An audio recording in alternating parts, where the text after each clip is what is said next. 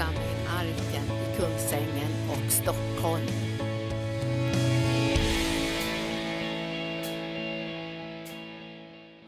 Åh, vi tackar dig Gud för att vi ska bära mycket frukt. För du ska bli förhärligad. Vi ska bli fruktbärande. För vi har inympats i det levande och livträdet. Och vi ska bära mycket frukt i den här världen. Jag ber Herre att den här smörjelsen för att bära frukt ska bli stark den här förmiddagen. För du har smort oss Herre till att bli människofiskare. Vi ska få frukt från våra liv, vi ska inte bli barnlösa. Utan vi ska få, få avkomma från våra liv. Där många människor ska bli frälsta. Därför att vi är bärare av evangelium. Och jag ber Herre idag om favör i varje mötesplats för trosyskonen. På deras arbetsplatser, grannar, var än de är ska det bli favör. Och det ska bli plats för evangelium.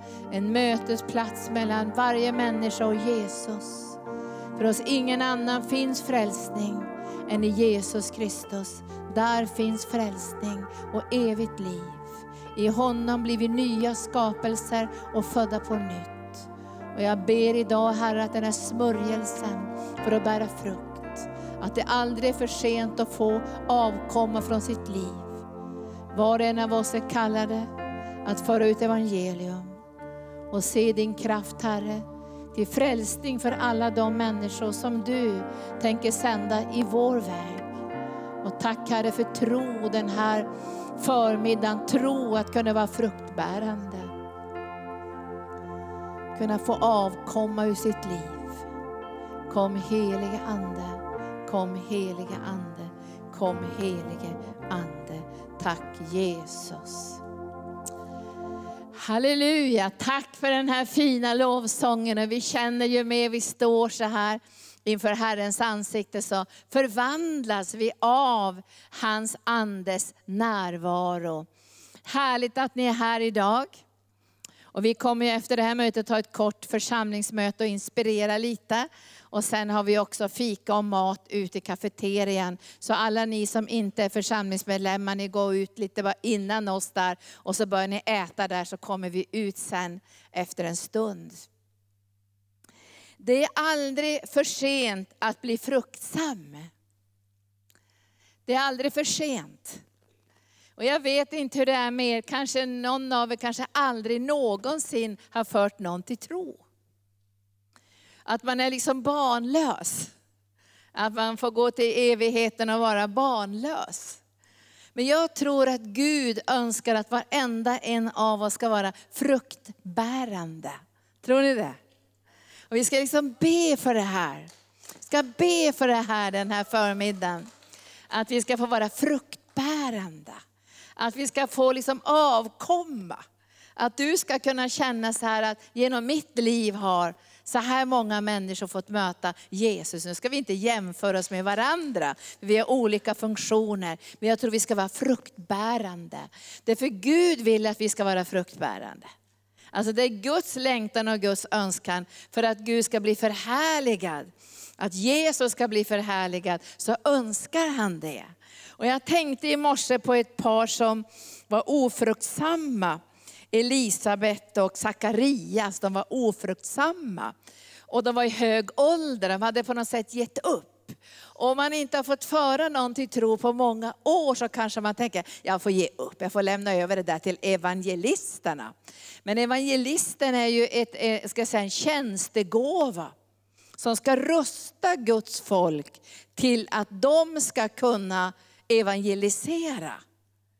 Och sen har evangelisten en speciell kallelse också att ha stora sådana här, större eller mindre samlingar för att också ge ett exempel på att föra ut evangelium. Men evangelisten har en funktion i församlingen, att rusta församlingen, att sätta tro till, jag kommer att vara fruktsam. Och det här ska du få säga nu när vi är färdiga här. Jag tänker bära mycket frukt. Mycket, mycket frukt. Men du vet Sakarias och, och ehm, och Elisabet de hade ju bett till Herren, åh vi vill få ett barn, vi vill vara fruktsamma. Men när åren gick så var det som att de gav upp sådär. Men Gud ger aldrig upp. Och även om du här idag tycker det har varit lite svårt det där att berätta om Jesus för människor, kanske någon har blivit frälst men inte så många, så ska vi tro idag att vi ska ändra på det. Vad säger ni? För att du ska sätta tro till, jag ska bära frukt. Du vet Sakarias hade bett så länge, han trodde inte på sina egna böner. Så när väl Gabriel kom och uppenbarade sig för honom, då började han protestera. För han gick in i det naturliga sådär, ja men jag har inte haft någon framgång förut och det har inte blivit någonting och vi är jättegamla, det här kommer aldrig att funka. Så han började protestera mot ängeln Gabriel, som blev faktiskt lite stött. Och säger så här, men fattar inte du Sakarias att jag är sänd från Gud med ett gott budskap? Men han tyckte att det här var för jobbigt så han började protestera. Och då vill jag säga så här, det är aldrig för sent att bli fruktsam. I det naturliga kan man tycka, att vi har hållit på så länge och det har inte blivit någonting och allt vi har försökt blir ingenting. Men det är, att det är aldrig för sent att bli fruktsam, för Gud ska göra någonting idag i våra liv. Och det här kommer att bli superspännande. Eller vad säger ni? Det här kommer att bli superspännande. Och du kommer att märka så här, vad lätt det går att berätta om Jesus. Det har hänt någonting i mitt liv. Du vet en fiskare kan ju inte kalla sig riktigt för fiskare om man frågar, hur många fiskar har du fått på 20 år? Två. Det, det, blir lite, lite sådär jobbigt om Gud säger jag ska göra det till fiskare, människofiskare. Man måste liksom tro på det där att man ska bli fruktsam och att man är en människofiskare. Och att den helige Ande kommer att ge det, det ang som man behöver för att just fiska den fisken. En del fiskar fiskar ju med nät, andra får man fiska med fluga och andra får man fiska på andra sätt. Man pimplar och man håller på. Så jag är inte så duktig på att fiska, men jag vet om att det finns väldigt många olika sätt att fiska. Och en del trålar ju hela botten så ingen fisk kommer undan. Det är nu evangelisterna. De ska tråla. Men vi ska alla vara människofiskare. Och vi ska alla få en förnyad fruktsamhet. Och oavsett om, om det har varit brist på fruktsamhet så kommer det bli en förändring i ditt och mitt liv. Vi säger halleluja till det. Halleluja, tack Jesus. Och då ska vi börja med Matteus, Markus evangelium kapitel 16, om själva uppdraget som vi har fått ifrån Gud. Alltså det finns ett uppdrag. Du vet till Adam och Eva så sa, så sa, så sa Fadern så här, Sonen och den helige Ande, bli, var fruktsam och uppfyll hela jorden. Det, det var innan syndafallet.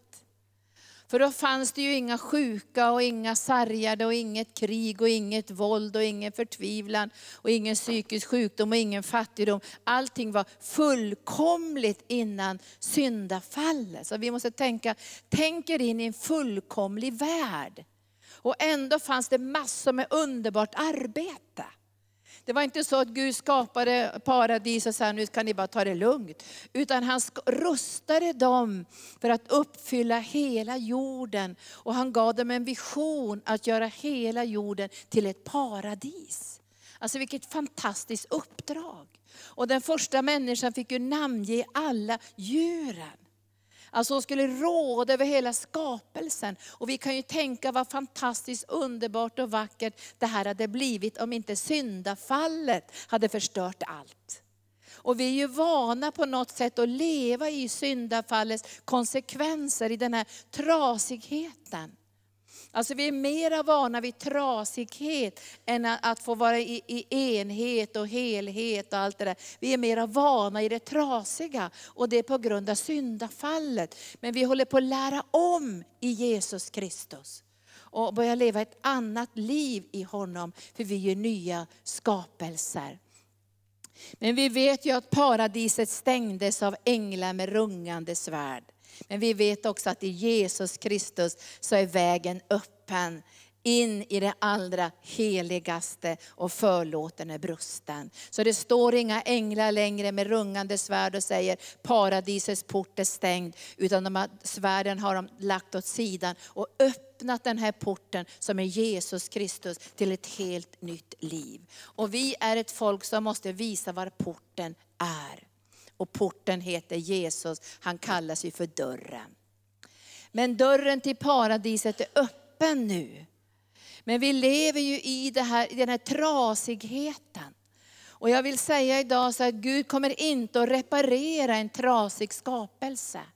Alltså det finns inga, inga verktyg för att reparera den här trasiga skapelsen. Den är alldeles för trasig. Därför allt gick sönder i syndafallet. Och det här ser ju vi de två första barnen i den första familjen. Sen ser vi det i Esau och Jakob, sen ser vi det i Josef och hela Israels historia. Hur det här sönderfallet. Och det är bara Jesus Kristus som allting kan bli helt igen. Och det står i andra Korinthierbrevet 5 och 17, om någon någon är i Kristus Jesus så är han en ny skapelse.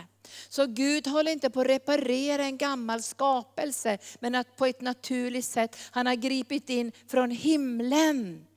Och det som är evangelium betyder att människan måste bli född på nytt. Det är evangelium. Människan måste bli född på nytt genom Guds ord, vatten och ande. Vi måste bli födda på nytt från höjden. Och det är evangelium. Evangelium handlar om pånytt födelsen, att bli född på nytt.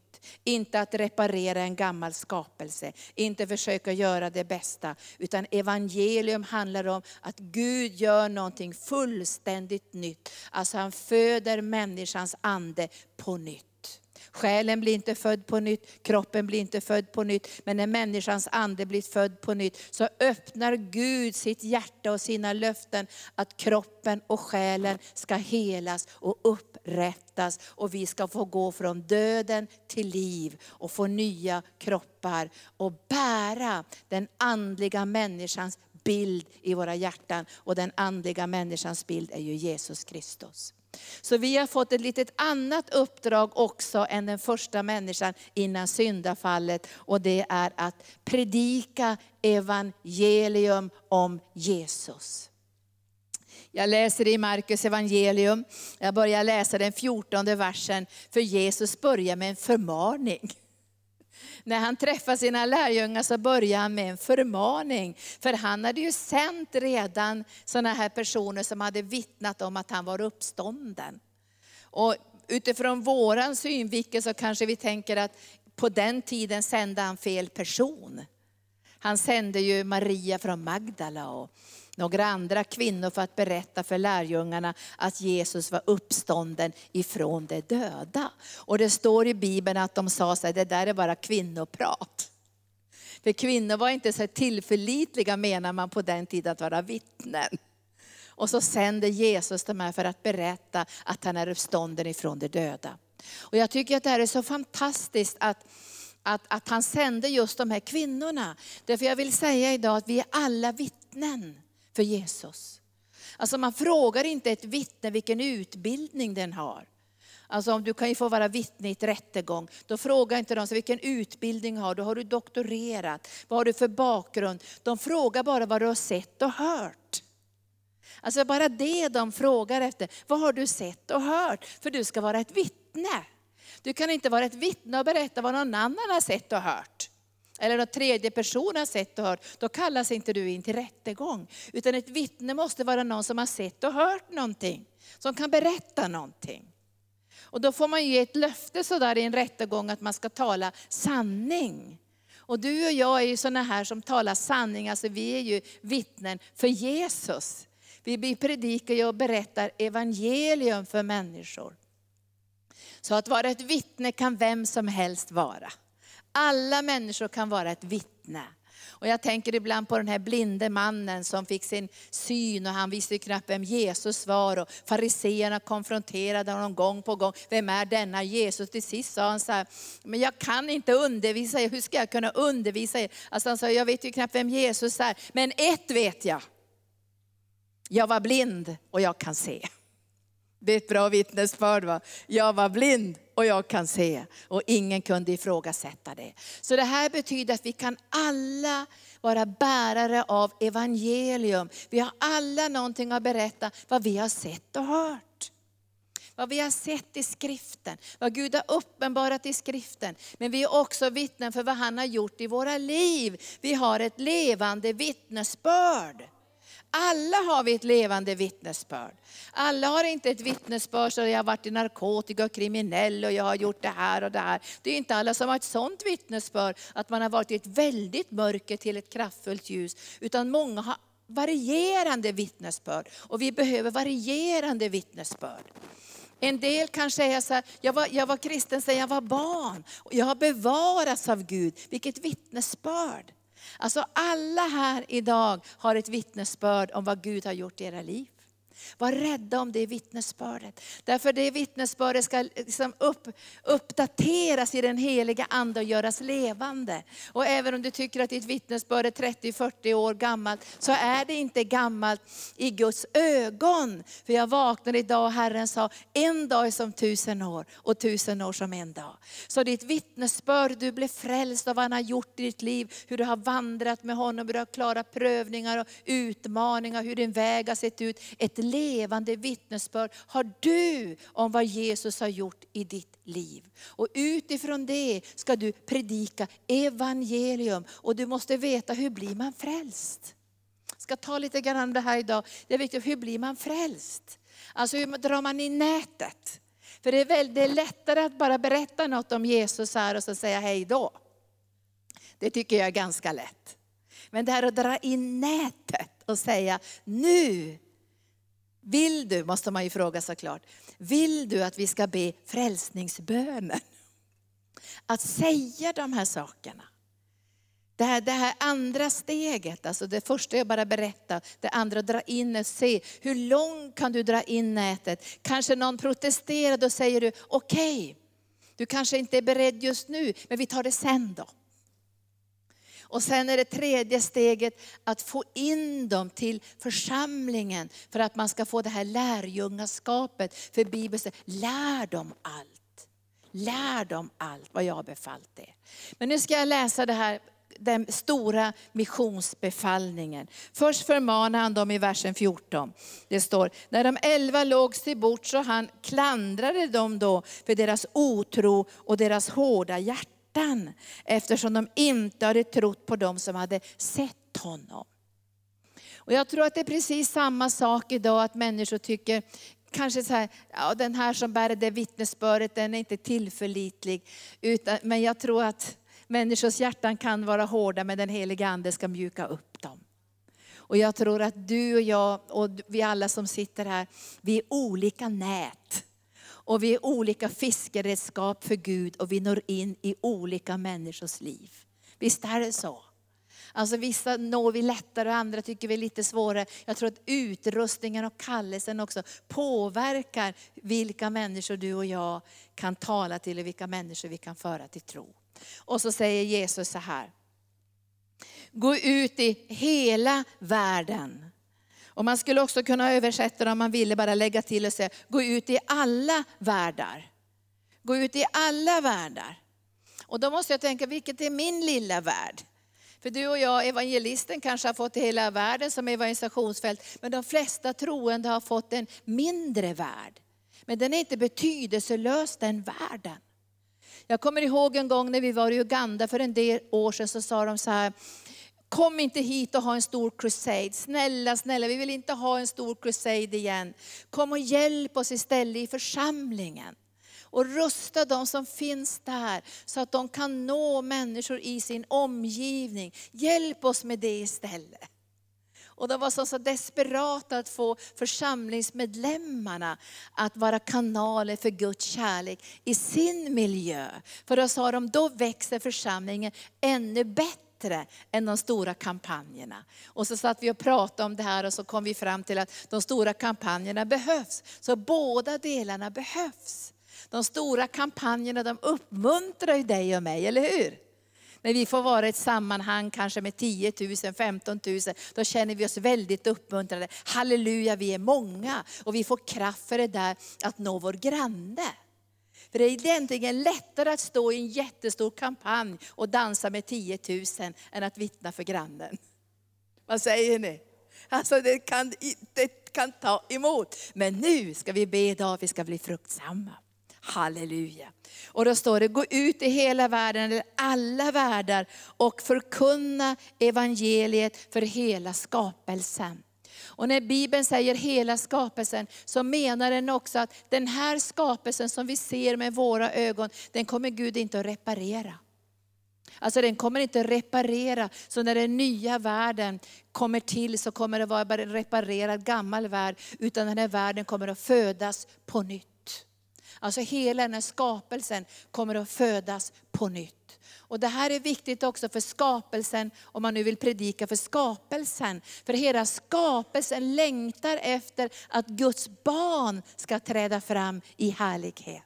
Alltså hela skapelsen längtar efter det, för skapelsen måste få ett hopp om att den ska födas på nytt också. Och genom församlingen så får skapelsen ett hopp för den går ju in i sin födslovånda nu och den behöver veta att den kommer att födas på nytt och få tillbaka all den skönhet som fanns innan syndafallet. Halleluja, tack Jesus. Vi ska predika evangelium. Vi ska förkunna, vi ska predika, vi ska vittna, vi ska berätta. Men på ett eller annat sätt så måste evangelium ut. Vare sig det kommer genom vår mun eller det kommer genom böcker eller vad det nu är, genom TV, vad som helst. Men evangelium måste ut till alla folk i alla länder, överallt i alla världar. Och då måste vi tänka så här idag, att det första uppdraget som Guds församling har, det är att föra ut evangelium. Evangelium. Och så står det så här till hela skapelsen. Den som tror och blir döpt ska bli frälst. Men den som inte tror ska bli fördömd. Den som inte tror ska bli fördömd. Och då behöver du och jag veta att varenda människa är redan fördömd. Alltså själva syndafallet gjorde att människan skildes ifrån Gud. Så vi behöver inte gå ut och döma världen för den är redan dömd. Utan vårt uppdrag är att ge evangelium till världen och berätta att Gud har öppnat en dörr genom Jesus Kristus till försoning och upprättelse och pånyttfödelse. För hade det räckt med lagen så hade vi inte behövt Jesus. Då hade han kunnat stanna i himlen. Hade det räckt med lagen, att genom lagens bud och, och eh, instruktioner kunna förändra människan, då hade vi inte behövt evangelium. Men, men lagen kan inte förändra människans hjärta. Lagen kan hålla tillbaka synden och sätta stopp för synden och kanske till en del också förändra vårt tänkande. Men lagen kan inte förändra våra hjärtan. Och det är inte heller lagens funktion. Utan Gud måste gripa in i det som Bibeln kallar för pånyttfödelsen. Själva det uttrycket måste tillbaka till Guds församling. Vi måste bli födda på nytt. Vi måste bli födda på nytt genom ordet och genom anden, genom vatten, genom ordet och anden. Så föds vi på nytt och Gud griper in. Och det här med pånyttfödelsen är själva hjärtat i evangelium. Och vi behöver fråga människor, är du född på nytt? För det går inte att få någon förvandlingsprocess som består om inte människor är födda på nytt. Då får det vara ett utanpåverk. Där man försöker reparera någonting som är trasigt med mänskliga medel. Men människan måste bli född på nytt. Och det här är ju evangeliets hjärta. Och därför säger Bibeln så här också att tecken ska följa de som tror det här. Därför att Gud bekräftar evangelium. Evangelium handlar ju om Jesus och, när, när, vi predikar Jesus, berättar om Jesus, vittnar om Jesus, på vilket sätt vi än gör det, så kommer den helige Ande att stadfästa evangelium med Guds kraft med under och tecken. Och det betyder att du och jag måste röra oss i världar som är smutsiga. Alltså vi kan inte fly från världen. Därför evangelium ska ju nå ut i alla världar, i porrvärlden i businessvärlden, i krogvärlden, i alla möjliga smutsiga världar, ytliga världar, världar måste nås med evangelium. Och jag tror att när Gud frälser människor i olika världar så har de ett uppdrag i den världen. Eller hur? Men först måste de ju renas och helgas för att kunna gå in i den världen. De får inte bli ett med den världen. De måste tas ut ur den världen för att kunna komma tillbaka till den världen med budskapet om Jesus. Och därför säger Jesus så här i missionsbefallningen, att ni ska kunna ta ormar i händerna. Ni ska kunna dricka dödligt gift. Alltså de här världarna som du och jag ska besöka ska inte smutsa ner oss. De ska inte bryta ner oss. De ska inte föra tillbaka oss i droger och knark och spelmissbruk och allt vad det heter. Utan vi ska gå in i den världen med evangelium. Därför att vi har ett vittnesbörd om vad evangelium har gjort i våra egna liv. Och det är viktigt att vi har det här vittnesbördet. Det här levande vittnesbörd. Det betyder inte att allt är fullständigt klart i ditt och mitt liv än. Så vi kan bara vittna när allting är fullständigt klart. Men vi kan vittna om frälsningen, att vi har blivit födda på nytt. Och vi kan vittna om det pågående så verket i våra liv som är ett verk av vår kärlek till Jesus med ordet och den heliga Ande. Vi har ett levande vittnesbörd. Så du behöver inte bli rädd att du ska bli smutsig. För ibland tänker man ju att om jag går in i den här världen, då kommer jag bli smutsig och ner, nerbruten i det här. Nej, det kommer du inte alls det. Därför Bibeln du ska trampa på ormar och skorpioner. Och var än du går fram så är du ett levande vittnesbörd. Du är världens ljus och du är världens salt i Jesus Kristus. Och även om du inte tycker det hela tiden så är du det ändå. Halleluja! Och du kommer att vara fruktsam. Åh, du kommer att vara fruktsam, jag bara känner det i anden. Och en del av er tänker så här, men min gamla livmoder är fullständigt uttorkad. Jag har inte fött ett enda barn på 15 år och nu kommer du få fler barn än den som är ung. Tänk på det du. Även du som har känt, vi har ju inte fört någon till tro. Det kommer att hända någonting från den här dagen som kommer att göra att du kommer känna, jag är fruktsam. Var än jag går så börjar det växa. Guds ande är här, ordet är här och människor kommer att bli frälsta. Tack Jesus. Vi ska bli födda på nytt. Och jag tror att Nikodemus som tillhörde eh, fariseerna, han förstod inte det här, att bli född på nytt. Alltså att bli född på nytt är ett verk ovanifrån, genom den heliga Ande. Och man får inte tänka på ett naturligt sätt. Därför är det inte din kropp som blir född på nytt, det är inte din själ som blir född på nytt. Det är din ande som blir född på nytt och du förenas med Gud. Och han flyttar in i din ande. Och därför är frälsningsbönen så viktig att det både är hjärtat och munnen, hjärtat och munnen, hjärtat och munnen. Och jag ska läsa först om Nikodemus, han, liksom, han undrar så här i kapitel 3 Johannes evangelium.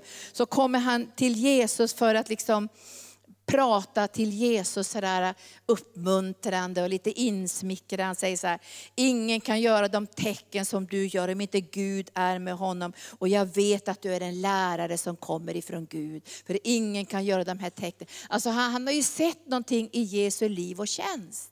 Och jag tror att han längtar efter det här själv också. Att få vara en bra lärare och att få, att få se under och tecken. Men Jesus kommer liksom till pudens kärna. Och så konfronterar han Nikodemus. Och så säger han så här till Nikodemus, Jesus svarade. Han svarar inte riktigt på hans fråga, han säger något helt annat. Jesus svarade, jag säger dig sanningen. Det hjälper inte att vara en bra lärare. Det hjälper inte heller att bara under och tecken. Människan måste bli född på nytt. Vi måste bli född på nytt. Och jag märker ibland nu så här när man lyssnar på olika lärare och ledare från olika sammanhang, så talar man väldigt lite om pånyttfödelsen. Alltså man talar mycket om att man ska vara snäll och vänlig och kärlek och vi ska vara eniga och vi ska tycka om varandra och sånt där. Det hjälper inte. Vi måste bli född på nytt av anden och ordet. Vår ande måste bli född på nytt och vi måste vara säkra på att de människor vi för till tro blir födda på nytt. Och, och den här Nikodemus, han förstår inte det. Han säger så här, han säger, om du inte blir född på nytt så kan du inte se Guds rike eller komma in i Guds rike om du inte blir född på nytt. Du måste bli född på nytt. Alltså du måste bli en ny skapelse. Du måste bli född på nytt. Och Bibeln talar om att bli en ny skapelse. Vi är födda på nytt till ett levande hopp. Han har fött oss på nytt. Allt beror på att vi är en ny skapelse. Är vi född på nytt. Om vi är född på nytt då får vi del i det här nya livet. Om du inte är född på nytt får du inte del i det här nya livet. Vi måste bli född på nytt. Och då får vi det här nya livet som en gåva ifrån Gud i och med pånytt födelsen. Så blir vi arvtagare. Så vi får det här nya livet. Och det här är ganska radikalt när jag predikar det här idag. Därför om vi berättar för människor, det räcker inte att vara snäll. Det räcker inte att vara religiös. Det räcker inte att gå till julottan eller det räcker inte bara att göra ritualer. Vi måste fråga människor, är du född på nytt? Har du tagit emot Jesus som din frälsare, som Herren i ditt liv? Har du gjort det här steget och du bjöd in honom i ditt liv? Och det här behöver vi befästa. Jag tror att många människor kanske har slarvat med det här och gått fram så det lite slarvigt och tänkt, jag vill ta emot Jesus nu. Då kan vi hjälpa dem att befästa det, eller hur? De är osäkra, tog jag verkligen emot Jesus? Men man ska inte gå fram hela tiden för att bli frälst. Ibland har jag sett bibelskoleelever gå fram i olika sammanhang för att bli frälsta. Man blir inte frälst igen. Men man kan ibland behöva befästa det här om man inte har fått en frälsning som många av oss har fått här idag så radikalt att vi bara visste, jag har gått från mörker till ljus. Det är inte alla som har fått, varit så medvetna om det här steget. Och då, då säger Nikodemus, börjar han tänka så här, men hur ska det här gå till, säger han. Hur kan en människa bli född när hon är gammal? Hon kan väl inte komma in i sitt moderliv och födas en gång till. Ser ni här hur han tänker? Han tänker, hur i all världen ska jag som en vuxen kar, alltså han tänker så här, komma in i min moders liv och komma ut igen och få en, annan, och en andra födsel. Alltså det här går inte att förstå med mänskliga tankar. För det som är fött av kött är kött.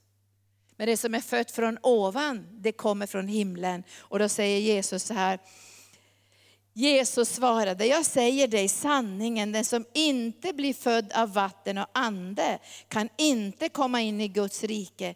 Det som är fött av köttet är kött och det som är fött av anden är anden. Var inte förvånad över att jag sa att ni måste födas på nytt. Att ni måste födas på nytt. Och vi märker ibland när vi möter människor över världen om de är födda på nytt eller inte. För ibland kan människor bara vara religiösa. Men man märker att det saknas någonting, det här ande till ande, hjärta till hjärta. För det händer någonting i pånyttfödelsen när vi blir Guds barn. Vi blir syskon och vi känner igen varandra. Och då ska jag läsa för dig nu ifrån Romarbrevet kapitel 10 om hur blir man frälst. Hur blir man frälst? Romarbrevet kapitel 10. Och vi vet ju att alla har syndat och förlorat härligheten ifrån Gud, alltså Guds närvaron. Nu, nu, tror inte jag att varje gång människor blir födda på nytt får de så här starka upplevelser och gråter och kommer i syndanöd. För jag tror inte riktigt att det handlar om det, men det är underbart när det sker. Så vi önskar ju att människor ska få sådana här starka upplevelser. Att de ska bli andedöpta på en gång och börja tala i tungor och profetera som i Apostlagärningarna 10 när anden föll i Cornelius hus. Vi skulle ju önska det. Men jag tror att frälsning handlar om att säga ja till Guds gåva. Det är att säga ja till Guds gåva. Och när vi tittar nu här i, i Romarbrevet kapitel 10 så citerar jag bara nu Johannes kapitel 16. Och det har ni ju läst många gånger så står det, när anden kommer till världen. Har ni läst det? När anden kommer till världen. Vet du, anden är ute i världen nu, nu är vi i kyrkan här. Du tror inte att folk är på krogen, men vet du att det är öppet till fem på morgonen på krogarna nu. Och folk är så fulla så bara raglar ut klockan fem på morgonen. Men vet ni att Guds ande är på krogen? Jag är inte säker på att han trivs särskilt bra där. Men han älskar människorna. Och därför kan människor, utan att du och jag är där och vittnar, det kan hända att de kommer ihåg något från söndagsskolan. Eller att de har mött dig på gatan, eller du har varit på Coop och vittnat eller gjort något. Och när de är på krogen så kan anden ta tag i det ordet. Eller hur? Och så sitter de där vid bordet och de blir fullare och fullare och så får de plötsligt jättemycket ångest. Och så hör de ett ord som du har gett dem på gatan. Och så springer de på toaletten och böjer sina knän vid toalettstolen. Så säger de Jesus, jag vill att du kommer in i mitt hjärta. Tror du att du kan bli frälst? Ja. Du kan bli frälst där vid toalettstolen. Därför Guds ande är där. Och du tar emot Guds gåva. Och man kan till och med ta emot Guds gåva om man är full. Fast det är bättre att ta emot Guds gåva när man är nykter. Men man kan ta emot Guds gåva. Därför att Guds ande är där. Och då behöver du och jag veta, vad gör Guds ande i världen? Du måste läsa Johannes 16, för anden ska hjälpa dig och mig att vittna. Och det första som anden säger i fråga om synd, vad står det där? För ni tror inte på mig, säger Jesus. Därför att när vi predikar evangelium så måste vi vara otroligt Jesusfokuserade. Därför att synd handlar inte längre om att vi har gjort en massa saker. Och vi har syndat och vi har supit och vi har knarkat och vi har begått brott eller sådana saker. Det är inte det det här handlar om. Utan evangelium handlar om vad Jesus har gjort för människorna. Det är det som är evangelium. Och därför måste vi vara otroligt Jesus-fokuserade när vi predikar evangelium. För det står att när anden kommer ska han överbevisa om synd. För ni tror inte på mig. Så allting kommer att handla om, vad gör vi med Jesus? En enda fråga, vad gör vi med Jesus? Tar vi emot honom eller stänger vi vårt hjärta för honom? Säger vi nej till honom eller öppnar vi vårt hjärta för honom? Det är det vi söker efter i människors liv. Vad gör de med Jesus? Vi frågar inte vad ska du göra med det där falskdeklarationen och allt det du på med brottslighet. Det är inte det vi frågar om. Vi frågar, vad gör du med Jesus? För vi vet att när de säger ja till Jesus så kommer han att förändra deras liv. Dagen därpå kommer de inte vilja supa någon längre. De kommer inte vilja gå med massa spelmissbruk eller porrmissbruk. De vill inte det någon längre. Därför de har tagit emot Jesus i sitt hjärta. Konungarnas konung och herrarnas herre. Och sen står det i fråga om rättfärdighet. Kommer ni ihåg det Johannes 16? Anden ska överbevisa i fråga om rättfärdighet. Och rättfärdighet handlar om, det finns ingen annan väg till frälsning än genom Jesus. Gud måste gripa in. Så det spelar ingen roll hur duktiga vi är, hur mycket vi spänner och så mycket vi presterar. Det räcker inte. Gud måste gripa in. Och det är det som vi berättar i evangelium. Han har redan gripit in. Halleluja. Vilket evangelium vi har vänner. Det här är ju kul. Det här blir ju underbart. Vi kan berätta om Jesus. Han har redan gripit in. Vägen är öppen öppen och han kommer att förvandla det inifrån och ut, Johannes 16. Och sen en sista del i fråga om dom. I fråga om dom. Vad ska anden säga om dom? Han säger så här, Satan är redan dömd. Det är det som är domen. Satan är dömd och därför är evangelium det mest fantastiska som du och jag kan ge till människor. När vi talar om så här, Satan är dömd, då kan vi också säga alla hans gärningar, alla hans grejer han håller på med ligger under Jesu fötter. Och då kan du säga, därför kan jag be för dig nu om helande. Jag kan be för dig om lösningar till din familj. Jag kan be att Gud ska gripa in, för Satan är redan bunden och besegrad. Du behöver inte ha självmordstankarna någon längre, förtvivlan i ditt liv, för Satan är dömd. Du är inte dömd ska du säga till människor. Jesus tog domen, du är frikänd. Vilket evangelium vi har. Vilket evangelium vi har. Vi har ett sånt fantastiskt evangelium. Så det är nästan, vi tänker så här, det är klart vi ska bli fruktsamma. Vi har ju det bästa av det bästa av det bästa. Men jag vet ibland kan det vara så trögt. Har ni känt den här trögheten?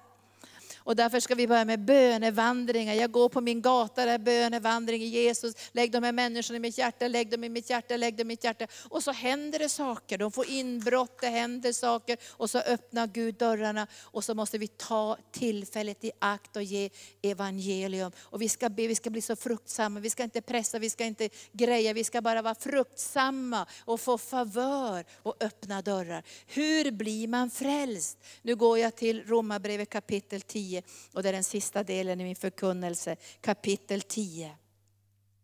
Så står det i den fjärde versen, Kristus är lagens fullbordan till rättfärdighet. Kristus är lagens fullbordan. Alltså Jesus Kristus är lagen fullbordad. Alla Guds krav, och om man läser de judiska skrifterna så är det över 600 bud. Vem kan hålla dem? Utan det är bara kärleken som kan leva upp till det som fanns innan syndafallet. Det gjorde Jesus. genom kärleken. Så Jesus är lagens uppfyllelse. Så i Jesus Kristus får vi del av Guds godkännande i Jesus Kristus. När du har Jesus i ditt hjärta så blir du godkänd av Gud. Visst är det underbart att tänka så? Du blir godkänd av Gud. Fast du inte ens godkänner dig själv och kanske inte människor godkänner dig heller. De kanske är kritiska mot dig. Så ställer du dig inför Gud, du blir godkänd av Gud på grund av att du har Jesus så finns ingen fördömelse för de som är i Jesus Kristus. Och vi hörde igår Birgitta predikare att utan den här kärleken blir det ingen förvandling. För Gud säger, jag älskar dig som du är, det var det första. Och sen när man tar emot den här kärleken så förvandlas man av den. Men man måste känna den här kärleken för att våga gå in i förvandlingsprocessen. Och så säger Herren så här, rättfärdig för var och en som tror. Moses skriver om den rättfärdighet som kommer av lagen. Den människa som håller buden ska leva genom den.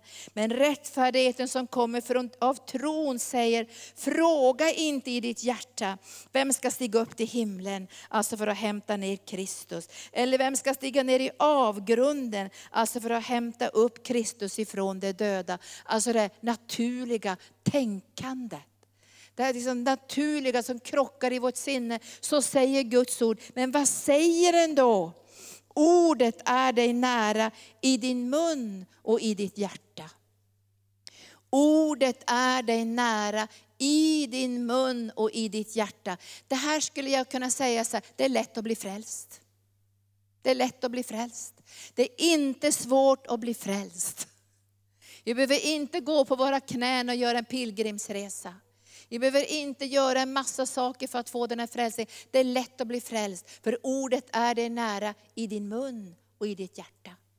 Frågan är bara, vad gör du med det? Ordet är dig nära. Och jag tror för den ofrälsta människans liv så är ordet utanför hjärtat och knackar. Men ordet är dig nära. Så nära att du kan bli frälst överallt. När som helst kan du ta emot Jesus. Vilket budskap vi har evangelium. Och så säger Jesus så här genom Paulus, vad säger den då? Ordet är det nära i din mun och i ditt hjärta. Alltså trons ord som vi predikar. För om du med din mun bekänner att Jesus är Herren. Det är det första steget. Om du med din mun säger Jesus är Herren. Det är han som är Herren. Det finns ingen annan väg till frälsning än genom Jesus Kristus. Och jag bekänner det med min mun. Och sen nästa steg, att jag tror i mitt hjärta att Jesus Kristus är uppväckt ifrån de döda. Alltså frälsning handlar om det nya livet och syndernas förlåtelse och bli en ny skapelse. Alltså själva uppståndelsen måste komma in i pånyttfödelsen. För du och jag kan inte födas på nytt om inte Jesus har dött och uppstått. Då finns det ingen pånyttfödelse. Då är allt det här bara fejk. En del kristna till och med tror inte på, på att, man, att, Jesus uppstod ifrån de döda. De tycker inte att det är särskilt viktigt. Eller att Jesus var född på ett övernaturligt sätt genom en jungfru och inte på ett naturligt sätt blev han till. Det tycker man inte är så viktigt. Men om det inte är sant, då finns det ingen pånyttfödelse. Därför att den nya skapelsen handlar om att Jesus har uppstått ifrån de döda, att han har gått från död till liv. Och när du tar emot Jesus som frälsare och bekänner dig till detta, att han har uppstått ifrån de döda, då kan anden komma med miraklet. Därför att när du bekänner med din mun och tror med ditt hjärta, när vi har fått människor att ta det här steget, då kommer anden och gör resten. För du kan inte frälsa människor. Du kan, bara, du kan bara hjälpa dem till de här två stegen. För att om du hjälper dem till det bibliska steget, så kommer anden sen att vara där och göra miraklet. Och inför dina ögon kommer du få se hur människor blir födda på nytt. Och Gud flyttar in i en människas hjärta och hon blir en ny skapelse. Miraklet sker. Vi kan inte förklara det, vi kan inte förstå det, lika lite som vi förstår hur en spermie kan nå ägget. Och kanske miljoner spermier så är det ett som når ägget. Hur kan, det, hur kan det pressa sig igenom det här membranet? När de andra spermierna inte kommer in. Vi fattar ingenting hur ett liv blir till egentligen, för det är ett fantastiskt mirakel. Men när vi blir född på nytt så sker det på samma sätt. Den heliga Ande kommer över en människa när hon bekänner och när hon tror så är Guds Ande där och hon blir född på nytt. Och du kommer att få se väldigt många människor nu i dagarna som kommer ta emot Jesus för du ska bli övernaturligt fruktsam. Halleluja! Känner du nu här, vilket fantastiskt. Och så försöker, försöker Paulus vända lite på det här så han säger så här, för om du han säger så här, med hjärtat tror man och blir rättfärdig. Och med munnen bekänner man och blir frälst. Därför det finns en fortsatt vandring sen med Gud. Med hjärtat tror man och så fortsätter man och bekänner sig till allt det som sen blir givet genom pånyttfödelsen. Det finns en vandring också och det kallas för lärjungaskap. Men man blir född på nytt, man blir en ny skapelse och sen börjar man tro i sitt hjärta och så börjar man bekänna, Herren är min försörjare, Herren är min herde, Herren ska hjälpa mig, Herren har omsorg om mig, jag är Guds barn, jag är en arvinge. Så vi fortsätter med hjärtats tro, munnens bekännelse och sen är anden där, och sen är anden där, och sen är anden där. När hjärtat och munnen är ett. Och därför behöver hjärtat och munnen följas åt sen, så det inte blir korslutning i vårt liv. Så vi har en sak i vårt hjärta och en annan sak i vår mun. Många kristna har det, det har vi själva ibland också, att vi tror en sak och säger en annan sak med vår mun. Men om vi och vårt hjärta tror att Jesus är mitt beskydd, då vill jag med min mun säga, han är min borg, han är mitt beskydd. Han har lovat mig att vara med mig alla dagar och då kan anden befrukta det som vi tror och bekänner med vår mun och Guds kraft kan förlösas. Så att frälsningen som redan är given kan manifestera sig på område efter område i vårt liv och i deras liv som har tagit emot Jesus som sin frälsare. Vi blir födda på nytt. Pånyttfödelsen är kristendomens hjärta. Att bli född på nytt. Det är inte att intellektuellt säga ja till kristendomen. Många tror att man är född på nytt för att man säger ja till kristendomen. Man tycker att det är en rätt bra religion. Och så läser man in sig på kristendomen så säger man, ja jag tror, jag tror på den här kristendomen. Det är inte att bli frälst. Utan frälsning handlar om hur jag ställer mig till personen Jesus. Evangelium är Jesus Kristus, uppstånden ifrån de döda, verksam, närvarande i den här världen. Och vi som individer och som Guds församling är bärare av evangelium. Och vi har fått det mest fantastiska, underbara uppdrag någonsin. Och jag tänkte jag skulle be nu två böner. Den första jag ska be är att du kommer ihåg vad han har gjort i ditt liv.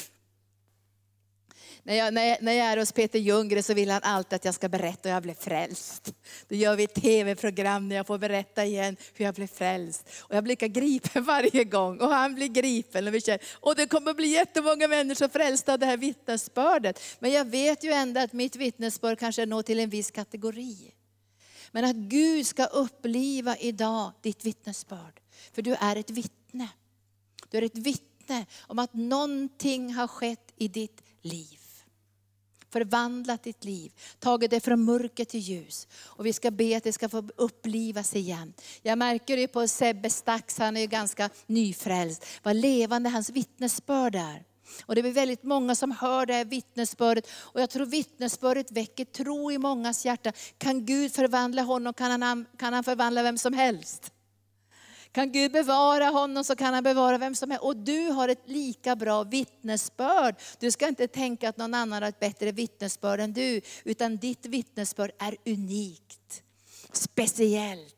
För Gud frälste dig på ett speciellt sätt. Du kanske blev frälst på en krog, vad vet jag. Du kanske blev frälst på en gata. Du kanske blev frälst i en kyrka. Du har ett vittnesbörd levande vittnesbörd från Jesus Kristus. Och jag ber nu helige, helige Ande, du som har sagt att vi ska vara fruktbärande. Du som har sagt att det kommer att hända någonting i församlingen Arken. Vi kommer att föda många barn, många, många barn. Och du kommer också uppliva våran andliga livmoder och sätta tro till, genom mig ska många bli frälsta. Genom mig ska vittnesbördet gå ut om den levande Jesus Kristus och pånyttfödelsens mirakel Mikael. Så jag ber dig nu heliga Ande, uppliva vars och ens vittnesbörd. Låt ingen tänka, jag har inte som ett vittnesbörd som den och den, utan mitt vittnesbörd är inte så starkt och underbart så jag måste hitta på någonting. Gör inte det. Låt det bli ett levande vittnesbörd. Berätta, vad har Jesus gjort i ditt liv? Hur har han lett dig, hur har han hjälpt dig, hur har han förvandlat dig? Hur tog du emot honom som din frälsare? Och jag ber heliga Ande att du smörjer Sekosiria, Brände Kaidia, Endrosiria. Bara smörj vars och ens vittnesbörd så de får känna, jag har ett levande vittnesbörd. Det lever i mitt hjärta att Jesus frälste mig. Och nu ber jag dig heliga Ande, den här andra bönen, att vi ska vara fruktbärande. Kom heliga Ande, lovsångare kom upp, fruktbärande. Och jag ser i anden, och jag har sett det ända sedan mirakelkonferensen, att vi kommer att nå vår kommun. Vi kommer att nå vår kommun med evangelium. Vi kommer att sträcka oss ut, både unga och äldre, ungdomarna, äldre. Vi kommer att sträcka oss ut med våra nät, med våra fiskeredskap. Och vi kommer att nå in i den här kommunen med evangelium. Vi ser det i anden. Och vi ber att vi ska vara fruktbärande. Du ska sätta tro till att du kan bära frukt. Även om du inte har fått så många fiskar på sista åren och du har känt att det var lite trögt. Så säger Herrens hand, idag förändras det. Idag blir det en förändring och du kommer att bli frukt bärande från ditt liv. Från ditt liv. Och ja, det kommer till med så här, du som inte har fött några barn, du ska föda mera barn än de som inte det naturliga har barn. Du kommer få andliga barn och du ska sätta ut dina tältpålar. För det kommer en ny tid när du kommer att bära evangelium om den underbara frälsaren till en sargad värld. Så kom nu helige Ande. Bara ta emot det här nu. Ta emot det här nu.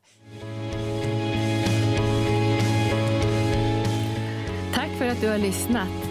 Vill du få del av mer information om församlingen Arken, vår helande tjänst, bibelskola och övriga arbete, gå in på www.arken.org.